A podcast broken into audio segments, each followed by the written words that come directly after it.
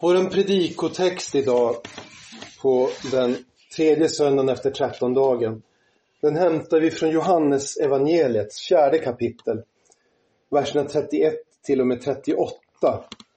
Och vi kan säga att i det fjärde kapitlet så har Jesus just mött, talat med och vittnat för den samaritiska kvinnan vid brunnen. Så kommer vi in i vers 31. Lärjungarna bad Jesus, Rabbi, ät. Men han sa till dem, jag har mat att äta som ni inte känner till. Lärjungarna sa till varandra, inte kan väl någon ha kommit med mat till honom? Jesus sa, min mat är att göra hans vilja som har sänt mig och att fullborda hans verk. Säger ni inte att det ännu är fyra månader kvar till skörden? Men se, jag säger er, lyft blicken och se hur fälten har vitnat till skörd. Redan nu får den som skördar sin lön. Han samlar in frukt till evigt liv så att den som sår och den som skördar kan glädja sig på samma gång. Ändå är det ordet sant, att en sår och en annan skördar. Jag har sänt er att skörda där ni inte arbetat. Andra har arbetat och ni har gått in i deras arbete. Amen. Herre, inskriv dessa ord i våra hjärtan. Amen.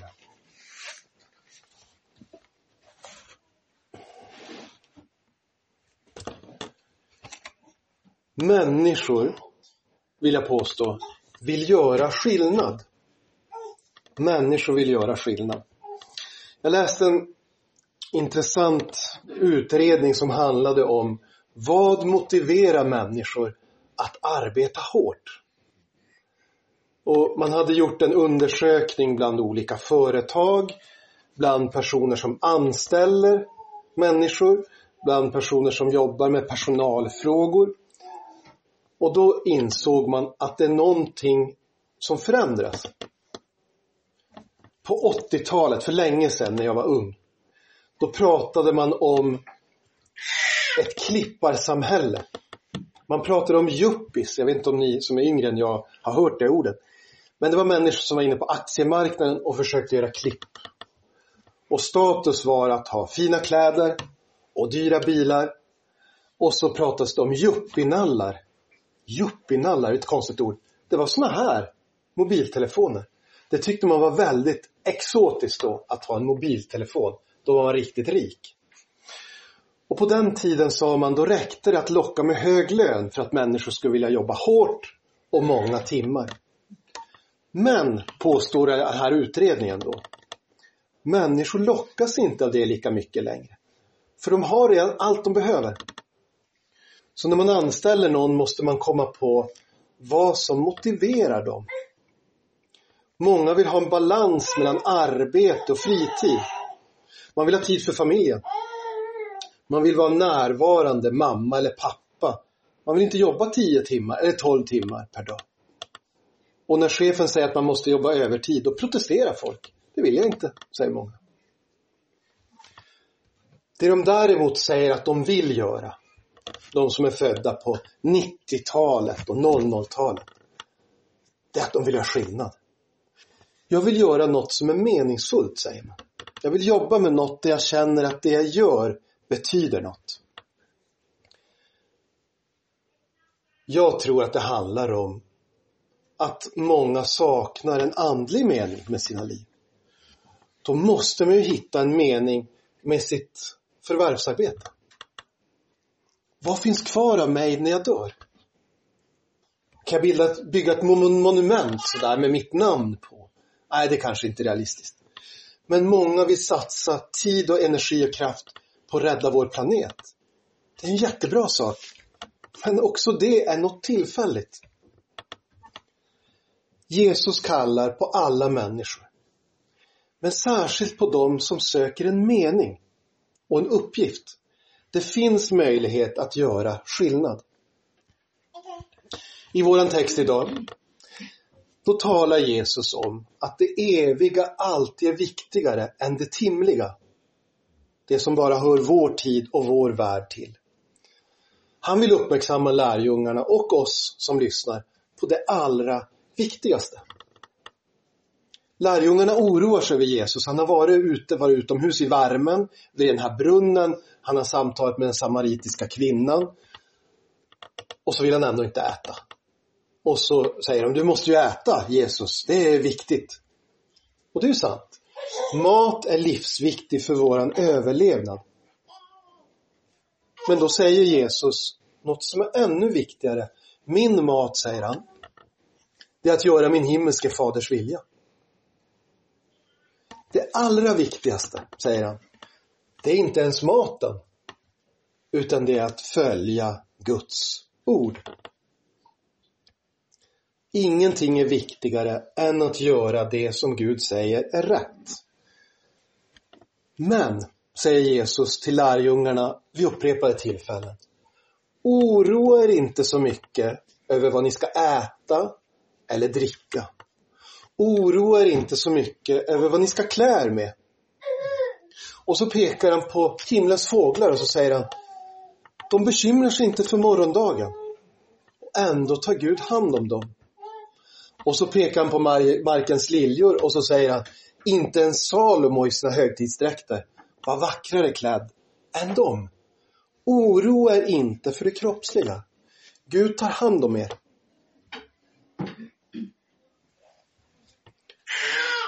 Jesu uppdrag, det var det allra viktigaste. Att födas som sann människa, son till jungfru Maria, men också sann Gud, befruktad genom den helige Ande, att träda in under lagen och uppfylla den i vårt ställe. Han säger det när han får kritik, Jesus, jag har inte kommit för att upphäva lagen, jag kommer för att uppfylla lagen. Lagen kan inte göras som intet, men jag uppfyller den åt er. Jesu uppdrag att gå de tunga stegen upp till Golgata. Att bära smärtan och skammen. Att känna sig helt ensam och utelämnad. Det var det viktigaste uppdraget. Att dö för våra synder så att vi skulle få leva. Att uppstå på tredje dagen så att vi kan vara säkra på att vi en dag ska uppstå. Det är det viktigaste uppdraget. Men ditt uppdrag och mitt uppdrag, det är också viktigt. I vår text idag, när vi möter Jesus och lärjungarna, då har han precis uppenbarat för den samaritiska kvinnan vem han verkligen är. Hon säger, när Messias kommer, säger hon, då kommer allt att bli uppenbarat. Han ska förklara allt för oss. Då spelar det ingen roll om man är samarit eller israelit, säger hon. Och hon har ju helt rätt. Och vad säger Jesus då? Då säger han, det är jag. Jahwe. Du talar med Messias, den utlovade frälsaren. Och hon blir så glad. Hon kommer inte tro faktiskt där vid brunnen. Hon blir så glad. Hon springer in till sin by och berättar för alla hon kan hitta.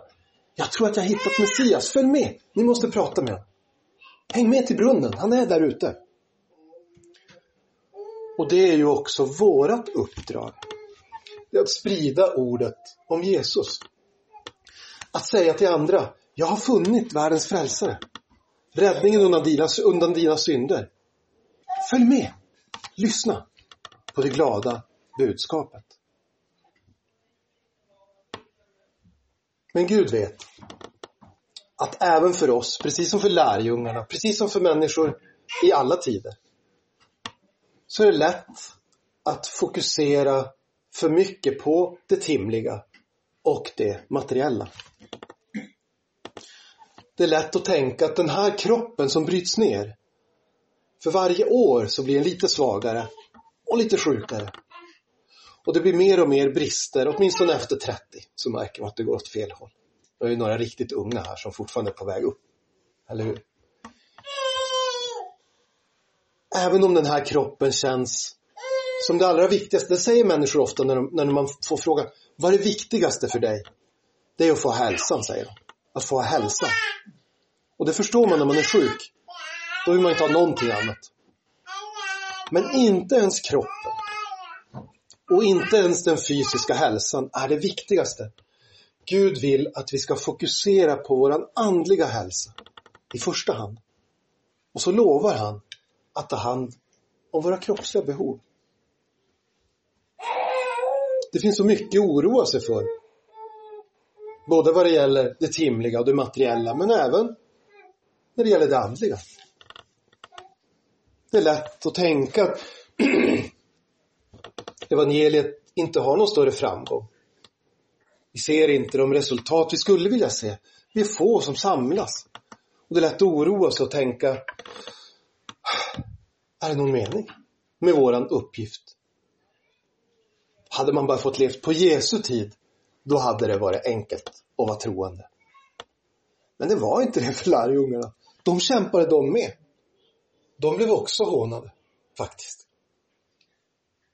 Stundtals gick det bra och folkskarorna var stora och alla ville följa Jesus och lyssna. Men när han blir gripen i ett semane, då skingras alla. För oss idag så finns det arbetsuppgifter som väntar. För även idag finns det massor av människor som behöver evangelium. Många svenskar idag tror att de vet vad kristendom är. När man pratar, när jag har undervisat på skolan i, i religion, då säger man ofta kristendom, det vet vi, det behöver vi inte prata om, det, det har vi koll på. Och om jag då frågar vad de vet om kristendom, så kanske de känner till tio Guds bud. Och så kanske de säger, ja men kristna måste vara snälla sådär och, och eh, ta hand om de som är svaga. Det är ju bra, men det är ju inte vad kristendom är. Det är lagen. Och den är gemensam för nästan helt och hållet för de, alla de stora religionerna. Lagen, den är naturlig, den har Gud skrivit i våra hjärtan. Många omkring oss ber till falska gudar. Islam är en religion som växer i Sverige. Det är väl det tydligaste exemplet. Men det finns också många som lockas av hinduism och buddhism, yoga och meditation som ett sätt att hitta lugn och balans i tillvaron. Man säger ibland buddhism är en bra religion för den ställer inga krav på oss, man får vara som man är.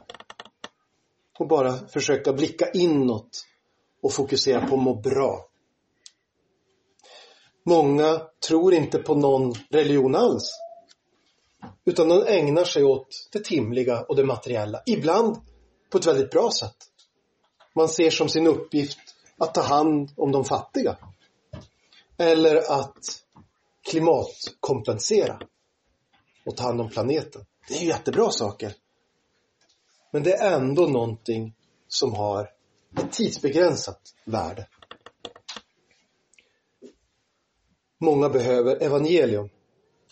Och för oss som är kallade av den helige Ande så är det lätt att gå och vänta på bättre tillfällen. Jag vill jättegärna berätta om Jesus när det blir läge, är det lätt att tänka. Det känner jag igen själv. Den här personen behöver höra evangelium, men det kanske inte är läge just nu. Jag väntar till en annan dag. Men Jesus säger, då och nu och imorgon kommer han fortsätta säga, idag vitnar fälten till skörd. Skörden är redo. Gud behöver skördearbetare som vill gå ut i skörden och samla in den. Det är en bild för att rätt tid är nu. Det finns inget mer att vänta på. Och vi har fördelen av att allting är fullbordat. Vi behöver inte tala om en Messias som ska komma, som kvinnan vid brunnen gjorde. Utan vi kan tala om en Messias som har kommit. Och som har uppfyllt lagen och som har rätt i vårt ställe. Och som har uppstått. Och vi måste vara medvetna om att alla människors nådatid är begränsad. Så ibland när man tänker, jag väntar till ett annat tillfälle, så får man inget fler tillfälle. Mm. Vårat arbete i Guds rike, det är både kortsiktigt och långsiktigt. I Bibeln så får vi lära oss att resultatet när Guds ord går ut, det är omedelbart. I Jesaja 55 så står det att Guds ord är som vatten. Och när vattnet, när vattnet faller från himlen, då blir det en reaktion alltid. Plantor skjuter upp och det grönskar. Och mitt ord är sånt, säger Herren, det vänder inte tillbaka till mig utan att ha uträttat det som jag sände det ut att göra.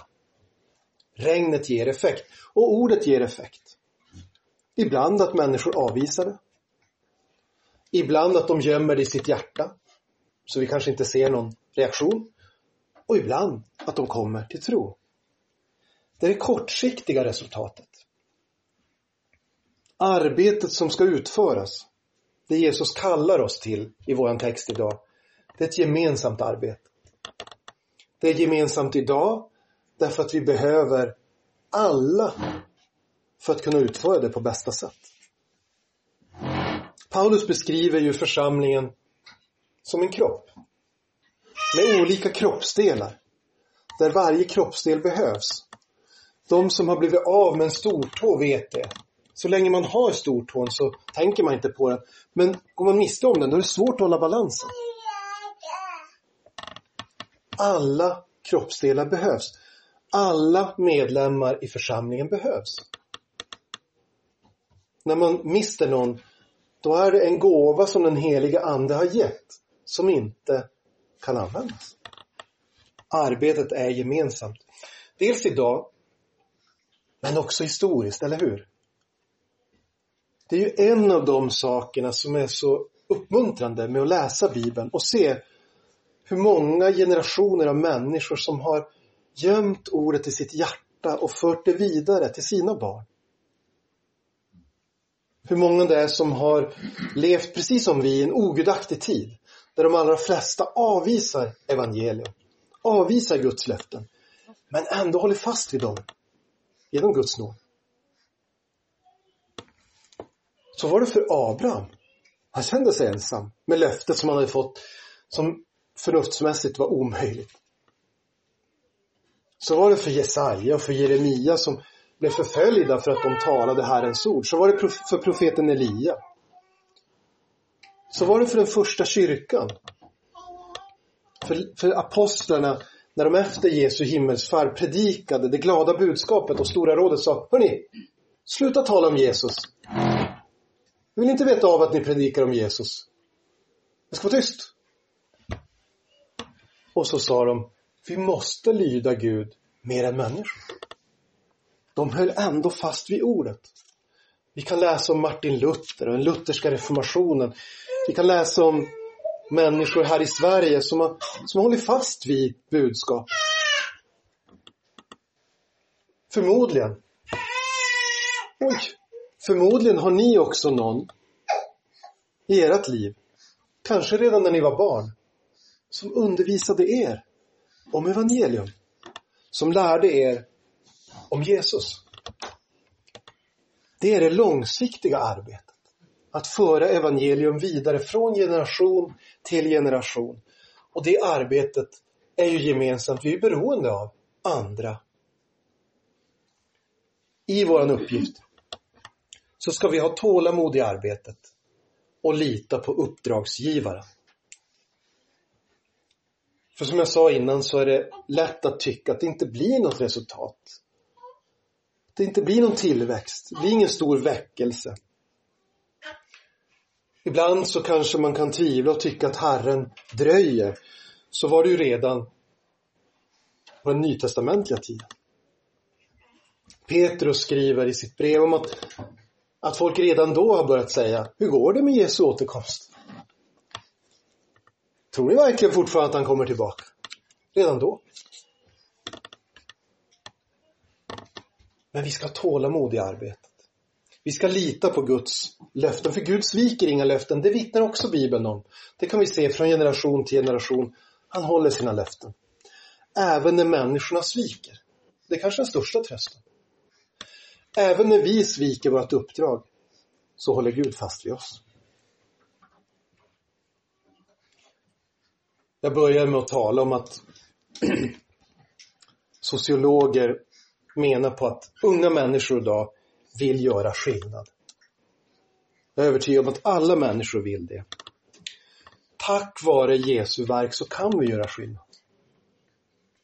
Om inte Jesus hade dött och uppstått så skulle vårt arbete vara meningslöst. Men nu är det inte det. Nu har det mening. Om det skulle hänga på våran kraft, äh, då skulle det inte bli så mycket med det. Men vi verkar genom Guds kraft. Och därför så är det meningsfullt. Och därför så är det hoppfullt att tjäna Gud. Amen. Låt oss be.